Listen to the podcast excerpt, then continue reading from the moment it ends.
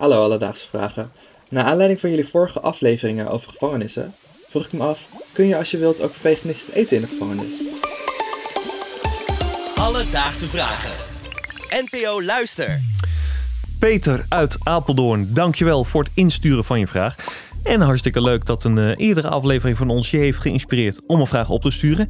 En Rosa, ik moet zeggen, eigenlijk vind ik deze vraag van Peter helemaal niet zo gek. Eh, want je kan natuurlijk steeds ja, buiten de gevangenis eh, best wel makkelijk veganistisch eten. Dat is steeds makkelijker. Mhm.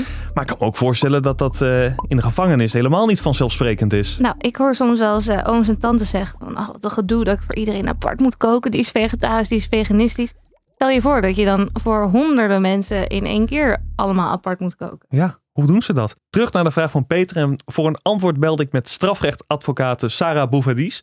Eh, zij weet alles van nou ja, eh, gevangenissen en het reilen en zeilen daarbinnen. En ook hoe het zit met het eten. Sarah, hoe zit dat eigenlijk? Kun je een beetje veganistisch eten in de gevangenis? Nou, als je vast komt te zitten en je bent bijvoorbeeld een veganist, dan heb je eigenlijk best wel recht op veganistisch eten. Want een directeur van de gevangenis, die heeft sowieso de wettelijke zorgplicht om eten te faciliteren, dus om voor voeding te zorgen.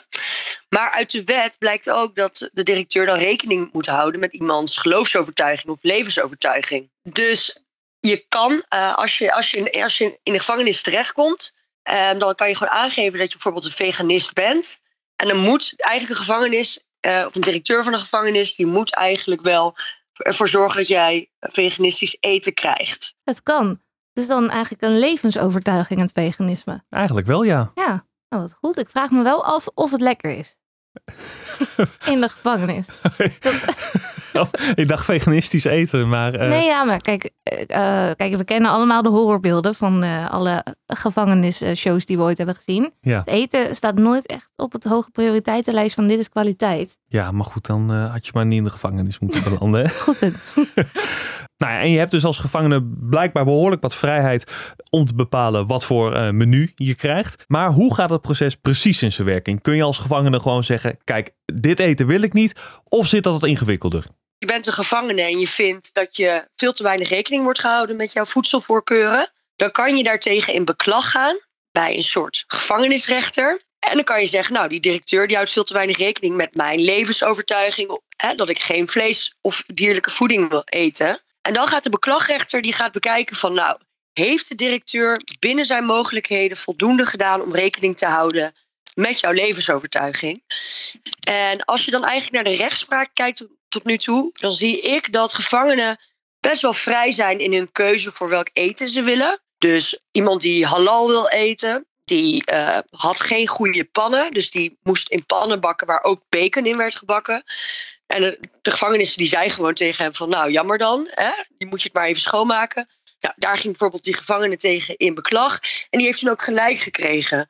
Dus ik denk dat als je eisen niet al te gek zijn en op zich makkelijk te doen moeten zijn voor de directeur om te regelen, dan heb je best wel veel vrijheid als gevangene om te kunnen eten op de wijze zoals dat past bij jouw levensovertuiging. ik ben gewoon benieuwd hoe ver je hierin kan gaan.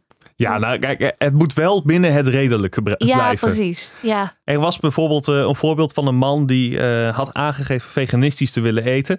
En die had één keer vegetarisch te eten gekregen en die ging daarover in beklag.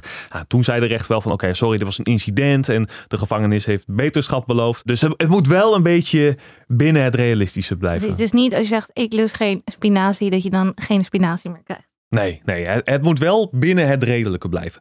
Maar als jij bijvoorbeeld ziek wordt van spinazie, omdat je er niet tegen kan, ja, dat is dan wel weer een reden om jou dat niet meer te geven. Precies. Zolang jij er dan maar gezond door blijft. Ja, Alledaagse Vragen. Roos, als we het over eten hebben in de gevangenis, dan moet ik eigenlijk ook altijd denken aan die laatste maaltijd Ja. voor een eh, ter dood veroordeelde. Vooral in de, ja, eigenlijk in de Verenigde Staten. Eh, en nu is er iemand in Nederland die daar onderzoek naar heeft gedaan. Namelijk voedingshistorica Eline van Hagen. Zij heeft Amerikaanse archieven onderzocht waarin stond wat ter dood veroordeelden als hun laatste avondmaal hebben gekozen. En ik bel daar eventjes op om te vragen, ja, wat kom je daar nou in precies tegen? Daarbij heb je echt al je Amerikaanse classics, sowieso. Eh, T-bone steak, hamburgers, eh, patat, eh, ve- veel fastfood.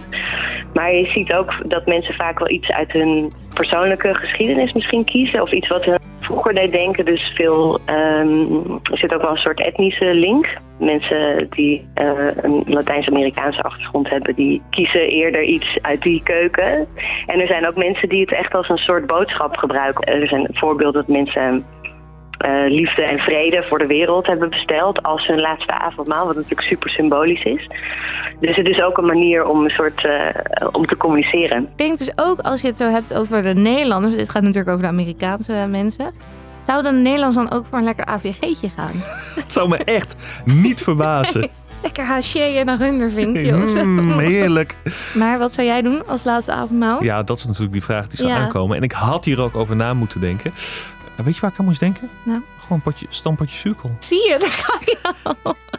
Met een worst erbij of Ja. een gehaktbal. Rookworstje Ja. met mosterd. Heerlijk. Dus Peter, om antwoord te geven op je vraag. Kan je in de gevangenis ook veganistisch eten? En het antwoord is ja. In een gevangenis moet er namelijk rekening worden gehouden met de geloofs- en levensovertuiging van iemand. En als dat voor jou betekent dat je alleen veganistisch mag eten, dan moet de gevangenis daarin voorzien. En over het algemeen heb je op dat gebied veel rechten als gevangene.